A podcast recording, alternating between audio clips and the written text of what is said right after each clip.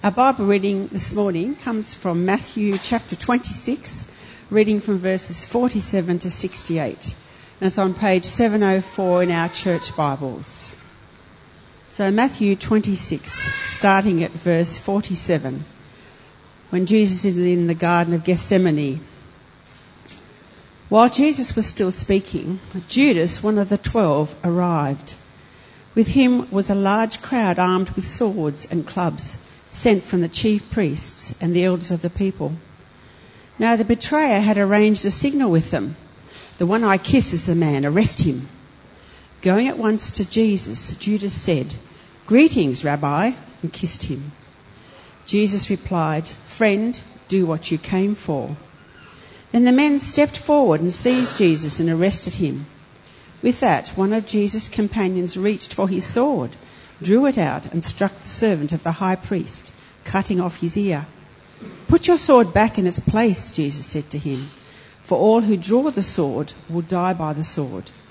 Do you think I cannot call on my Father, and he will at once put at my disposal more than twelve legions of angels? But how then would the scriptures be fulfilled that say it must happen in this way? At that time, Jesus said to the crowd, Am I leading a rebellion that you have come out with swords and clubs to capture me? Every day I sat at the temple courts teaching, and you did not arrest me. But this has all taken place that the writings of the prophets might be fulfilled. Then all the disciples deserted him and fled. Those who had arrested Jesus took him to Caiaphas, the high priest, where the teachers of the law and the elders had assembled. But Peter followed him at a distance, right up to the courtyard of the high priest. He entered and sat down with the guards to see the outcome. The chief priests and the whole Sanhedrin were looking for false evidence against Jesus so they could put him to death. But they did not find any, though many false witnesses came forward. Finally, two came forward and declared, This fellow said, I am able to destroy the temple of God and rebuild it in three days. Then the high priest stood up and said to Jesus, you not going to answer? What is this testimony that these men are bringing against you? But Jesus remained silent. The high priest said to him, I charge you under oath by the living God, tell us if you are the Christ, the Son of God. Yes, it is as you say, Jesus replied. But I say to all of you, in the future, you will see the Son of Man sitting at the right hand of the Mighty One and coming on the clouds of heaven. Then the high priest tore his clothes and said, He has spoken blasphemy. Why do we need any more witnesses? Look, now you have heard the blasphemy. What do you think? He is worthy of death, they answered. Then they spit in his face and struck him with their fists. Others slapped him and said, Prophesy to us, Christ. Who hit you? Thank you, Anne, for the reading. Last uh, two weeks ago, the students from Moore College went out to do missions uh, throughout Australia and overseas. And one of the teams went to Bankstown in Sydney and met one, a, a doctor by the name of Reginald from Pakistan. Now, Reginald is a surgeon and he is a Pakistani national and a Christian. And he worked in Pennell um, Memorial Christian Hospital near the border with Afghanistan.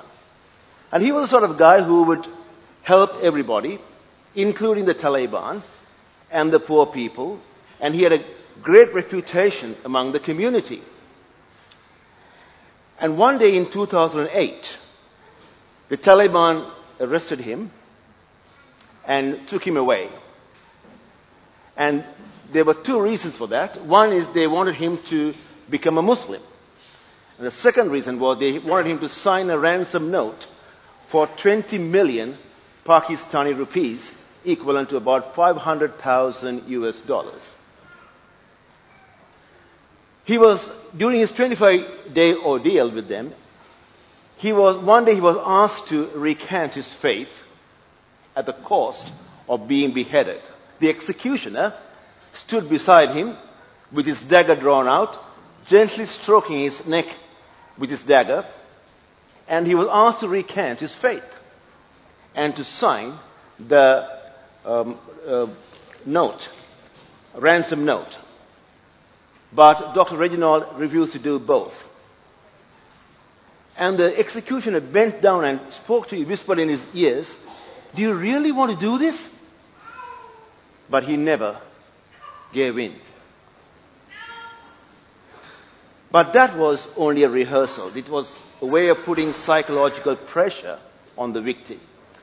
And then they videoed that and sent it to their elder, to their three chief leaders in Pakistan. Their organizational structure was they had three leaders in Pakistan, three leaders in Afghanistan. And this video was sent to the three leaders in Pakistan, possibly to get approval as well as to determine the amount of the ransom that they should have get from him. While this was going on, there was another group of Taliban who was searching for a doctor who has gone missing, who has been very helpful to them and to the community. And that news also reached these three leaders of the Taliban. And they dotted the lines together and found out it was Dr. Reginald that they were looking for. And they quickly sent word to the, his captors saying, do not touch him. And then one of the leaders, the top three leaders came down to release him. And while they were going in the vehicle, he and the leader was seated at the back seat. And the leader turned to him and said, Forget for a moment that I'm a Muslim and you are a Christian. Tell me what is on about this Jesus. Tell me more about this person called Jesus Christ. And Dr. Reginald had 10 minutes to witness to the Taliban top leader about Jesus Christ. And this tells us that the gospel of Jesus Christ can penetrate anywhere. There is no place in the world that the gospel of Jesus Christ cannot penetrate, even to the top Taliban leadership. In the passage that was read to us in Matthew chapter 26, verses 47 to 68, we read of another captive. This time, he is our own Lord Jesus Christ. And he had no chance of being, being uh, released. Neither did he want to be released. It was God's will that he should die. He was arrested by a group of unruly uh, members of the Jewish community with the con- uh, consent of the Jewish leadership. And they came and they wanted to try him in the Jewish religious court uh, and sentence him to death. This is a long passage about, of 21 words. We are not going to go through each verse this morning, but we are going to look at the major characters who are introduced to us in this passage and Jesus' response to each of them and see how we can learn to cope with difficult situations in our life. Joyce and I have had very difficult situations early in our life together. And I will testify to that as we come along to the application of this passage. So firstly, let's look at Jesus' response to Judas. In verses 50 and 51, we read about Jesus' response to, Judas. Um, in verse 45, we are told that the Son of Man must be handed over into the hands of sinners. And in this instance, the Jewish people and the Gentile Roman God were united on one thing against Jesus. The body of sinners were united against sinners. Yeah, Jesus. And Judas had already given them a, a sign. The one whom I kiss is the man. Seize him. Because this time around, Judas wanted to make sure that they got Jesus. We are told earlier in the, in the, in the Gospel of Luke, chapter 4, verse 30, that when the people in Nazareth, when the people wanted to throw down Jesus down the hill, he walked through them and disappeared. So unless the Son of Man gives himself over to the hands of the sinners voluntarily, they will not be able to do anything to him.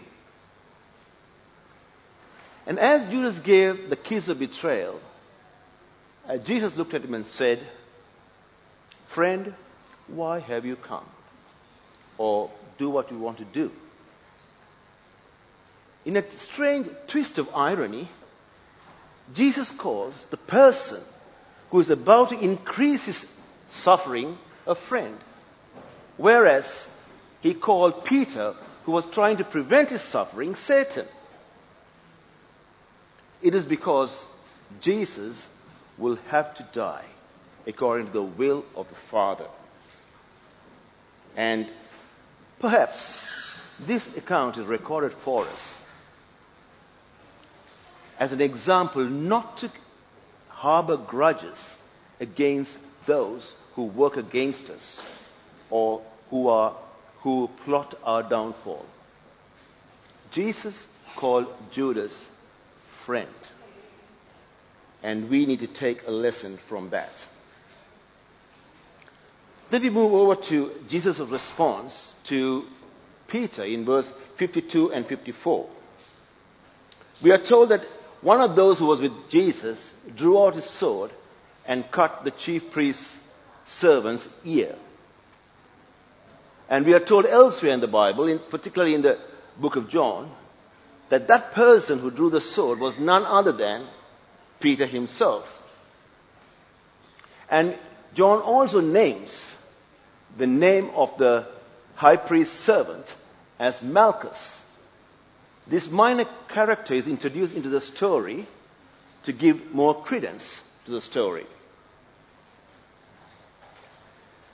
And Jesus gives us an example of what human wrath and violence can lead to. He told Peter, Put your sword back. He who takes the sword will perish by the sword. And this truth was very quickly demonstrated in the life of the Jewish nation. They came to arrest Jesus, the innocent one, bearing the Roman swords.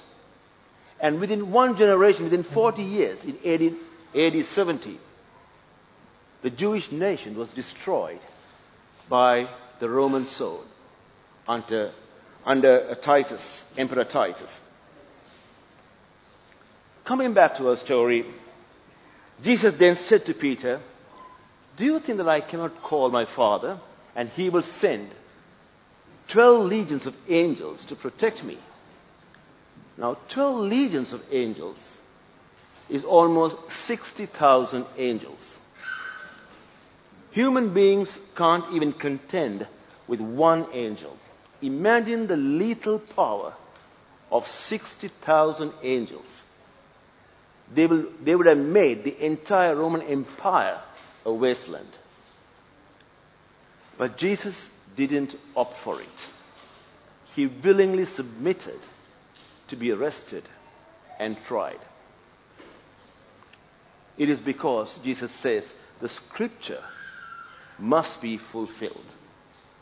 And this is the theme that comes even later on when he spoke to the crowds. The scripture must be fulfilled. Jesus' response to the crowds is recorded for us in verses 55. Attention customers, in 15 minutes we'll be running a free tennis cardio tennis session down at the tennis center stadium. Jesus' response to the crowd. All fitness levels are welcome, but you must be at least 15 years old to take hope this time will be all right.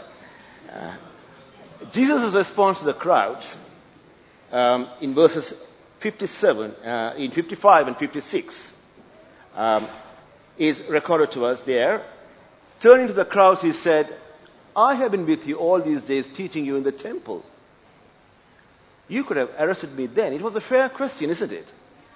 After all, the chief priests were the custodians of the ch- temple and they could have arrested him there if they wanted to. But there again, Jesus gives a reason. He said, the scriptures, as foretold by the prophets, must be fulfilled. And that scripture is recorded to us in the book of Zechariah, Book of Zechariah, chapter 13, verse 7. I will strike the shepherd, and the sheep will be scattered. True enough, after the arrest of Jesus, the disciples deserted him and fled away. Then we come to the Jesus' encounter with the high priest. We are now facing, he is now facing a trial at the Sanhedrin where they are going to apply the Roman law, uh, the Mosaic law instead of the Roman civil law or criminal law. And the chief priests, the scribes, and the elders have already arranged a array of false witnesses to come and bear witness against Jesus. But when they came and said their false testimonies, they didn't stack up. And Jesus didn't utter a word against them or to defend them. Because those who seek to harm us or those who seek our downfall always want an adverse reaction from us to prove their point. And Jesus never gave in to that. And his silence annoyed the chief priest even more. So he got up and said, I put you under oath of the living God, not realizing that he was speaking to the living God himself. And said, he answer me, are you the Christ, the Son of God? And Jesus gives a very profound reply in verse 64. He said, Yes, it is as you say, Jesus replied. But I say to all of you, in the future you will see the Son of Man sitting at the right hand of the mighty, mighty one and coming in the clouds of heaven. The high priest tore his clothes and went wild. Because these guys knew their Old Testament scriptures back to front. They knew immediately that Jesus was quoting from Daniel chapter 7, verses 13 and 14 in the Old Testament. So, what is so strange about the Son of Man? What made him, what made him to go so wild? What is the meaning of a Son of Man? The Son of Man is a Son of Man, a human, a son of a human. That's all. There's nothing so special about it. But the context in which we find this Son of Man is the one that astonished everybody. Look at the context in which we find this Son of Man. Who is the Son of Man or a human who comes in the clouds of heaven? Surely he must be divine. Jesus ascended into heaven in the clouds, and he will come again in the clouds of heaven to judge the world. Secondly, who is the Son of Man? A human who is giving power, dominion, and a kingdom, and that too, absolute power, eternal kingdom, and eternal dominion. His kingdom overshadows all human kingdoms and will eventually replace all human kingdoms, as we saw in Daniel chapter 2 in the vision that Nebuchadnezzar saw. Surely, that Son of Man must be God. Thirdly, who is the Son of Man or a human who, who attracts people from all nations and languages and tribes to worship Him? Worship belongs to God, doesn't it? Surely the Son of Man must be God. And the high priest uh, quickly realized that Jesus was not only claiming to the Messiah a representative of God, but to be God Himself. That's what made him to go berserk.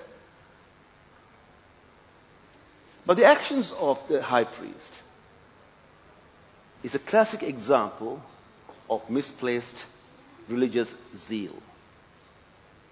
They know their Old Scriptures back to front, but they never got it right because they wouldn't obey it.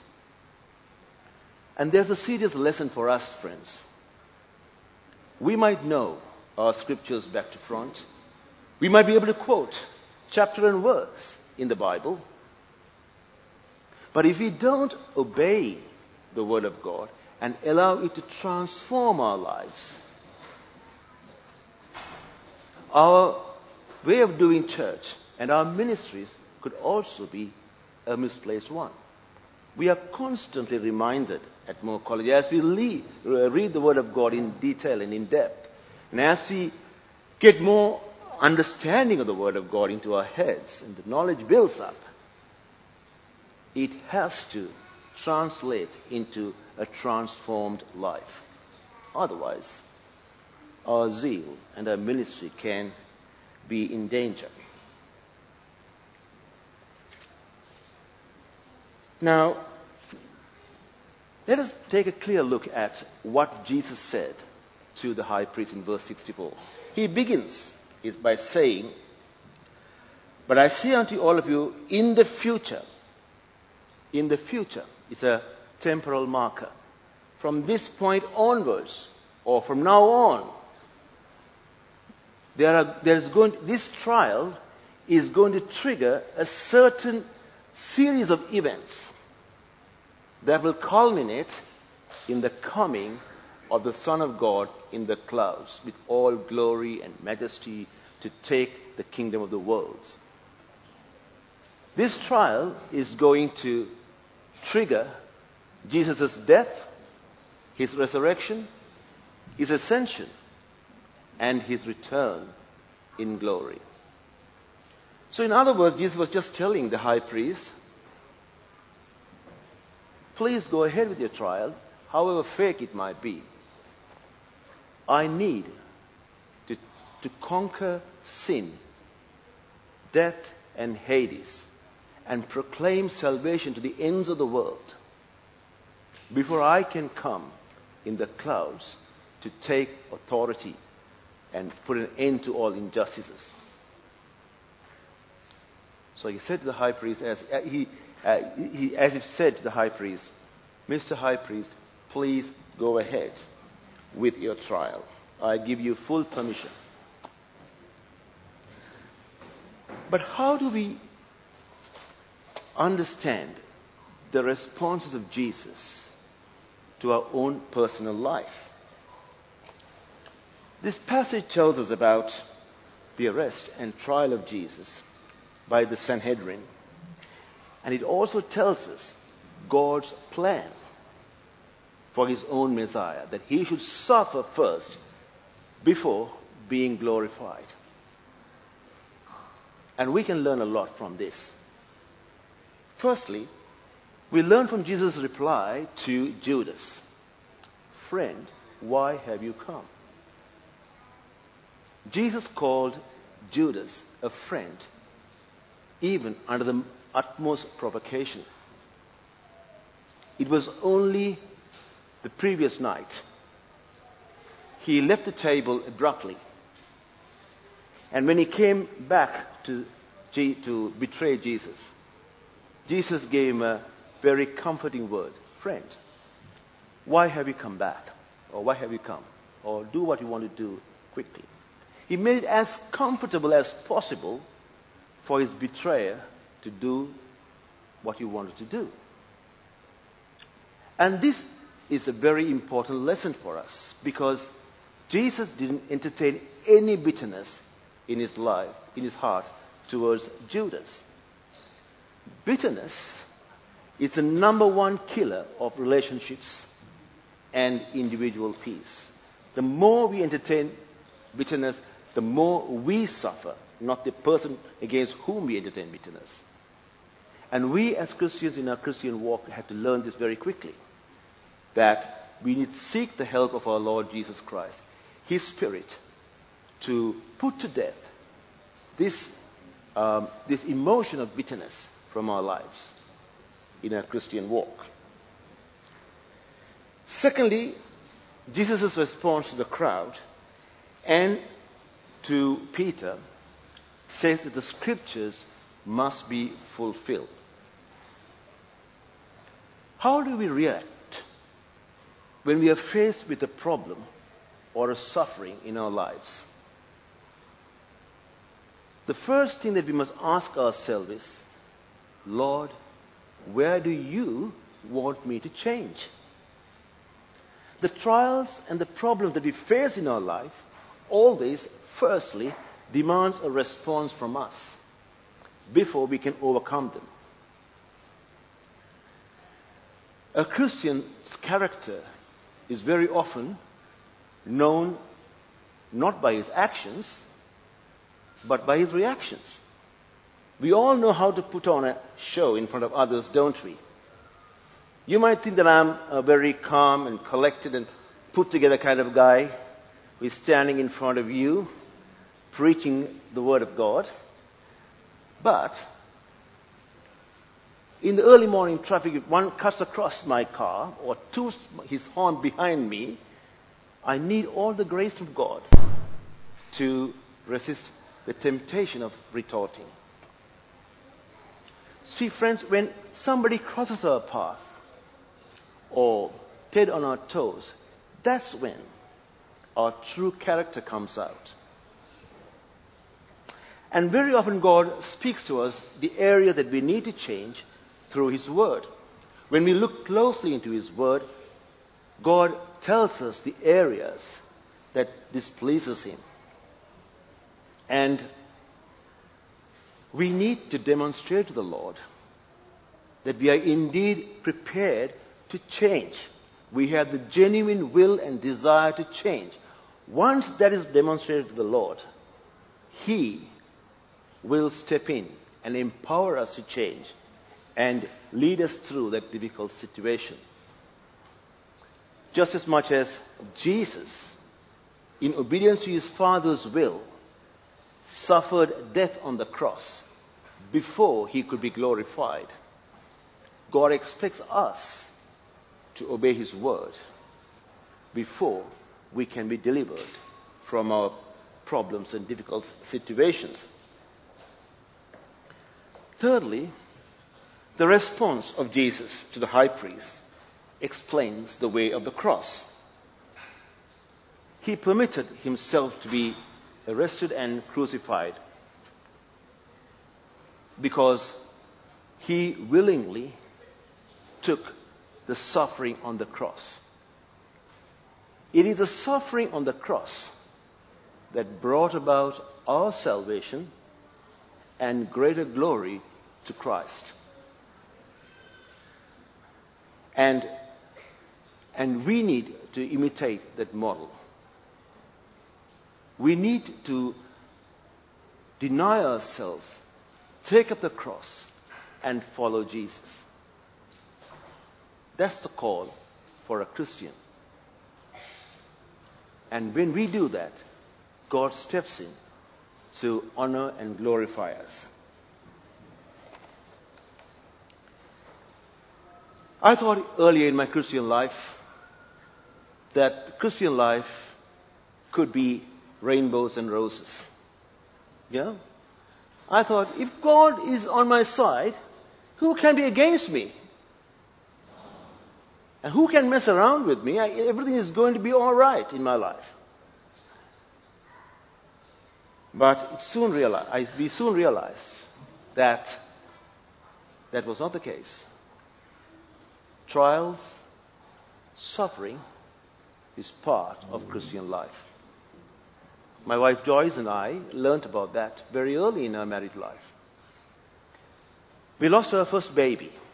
She was a stillborn baby.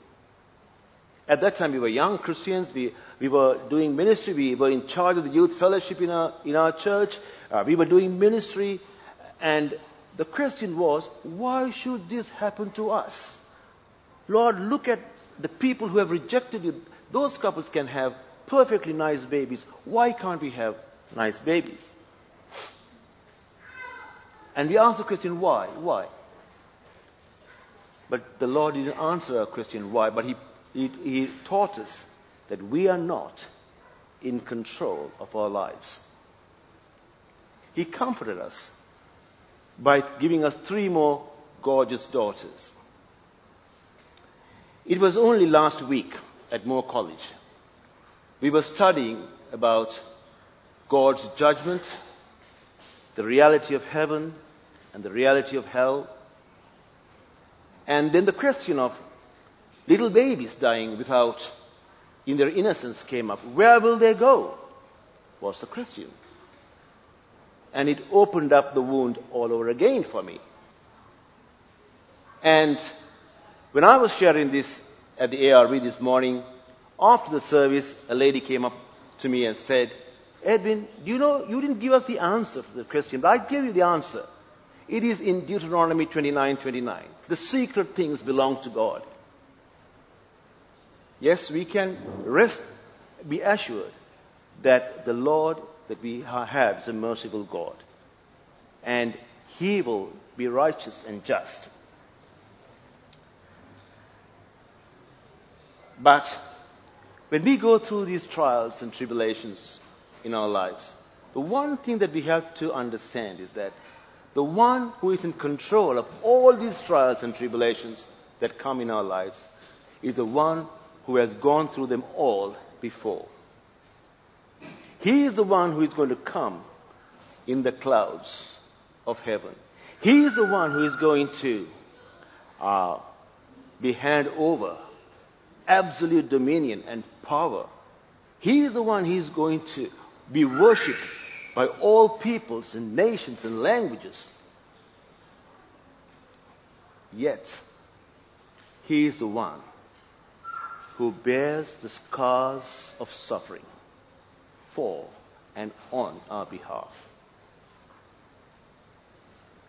The Lord Jesus on the cross suffered excruciating pain, physical, mental, and emotional pain that we can never describe. He stepped into our world and suffered for and on behalf of us. And he bears the scars of his suffering. I'm told by that there are 170 to 180 million gods and deities that human beings have come up so far through their foolishness. Not one bears the scars of suffering for and on our behalf. It is the true and living God, Jesus Christ, who bears the scars of our suffering upon him. What a wonderful Savior we have. What a wonderful God. What a wonderful friend we have in Christ Jesus, the righteous, righteous one. And that should, be a, should help us to cope and to stand firm in our faith, like Dr. Reginald did, in difficult circumstances and suffering in our life. And I hope that we will turn to the true and living God for our confidence and our strength when we go through suffering in our lives. Let me pray for you. Lord, our Heavenly Father, we thank you, Lord, for your word and through which we are able to see the Lord who suffered and bore the scars of suffering for and on our behalf, Jesus Christ the righteous. Thank you, Lord, for the privilege of knowing you and loving you and be, and be uh, guided by you and be shepherded by you through our troubles and tribulations in this life. In Jesus' name we pray. Amen.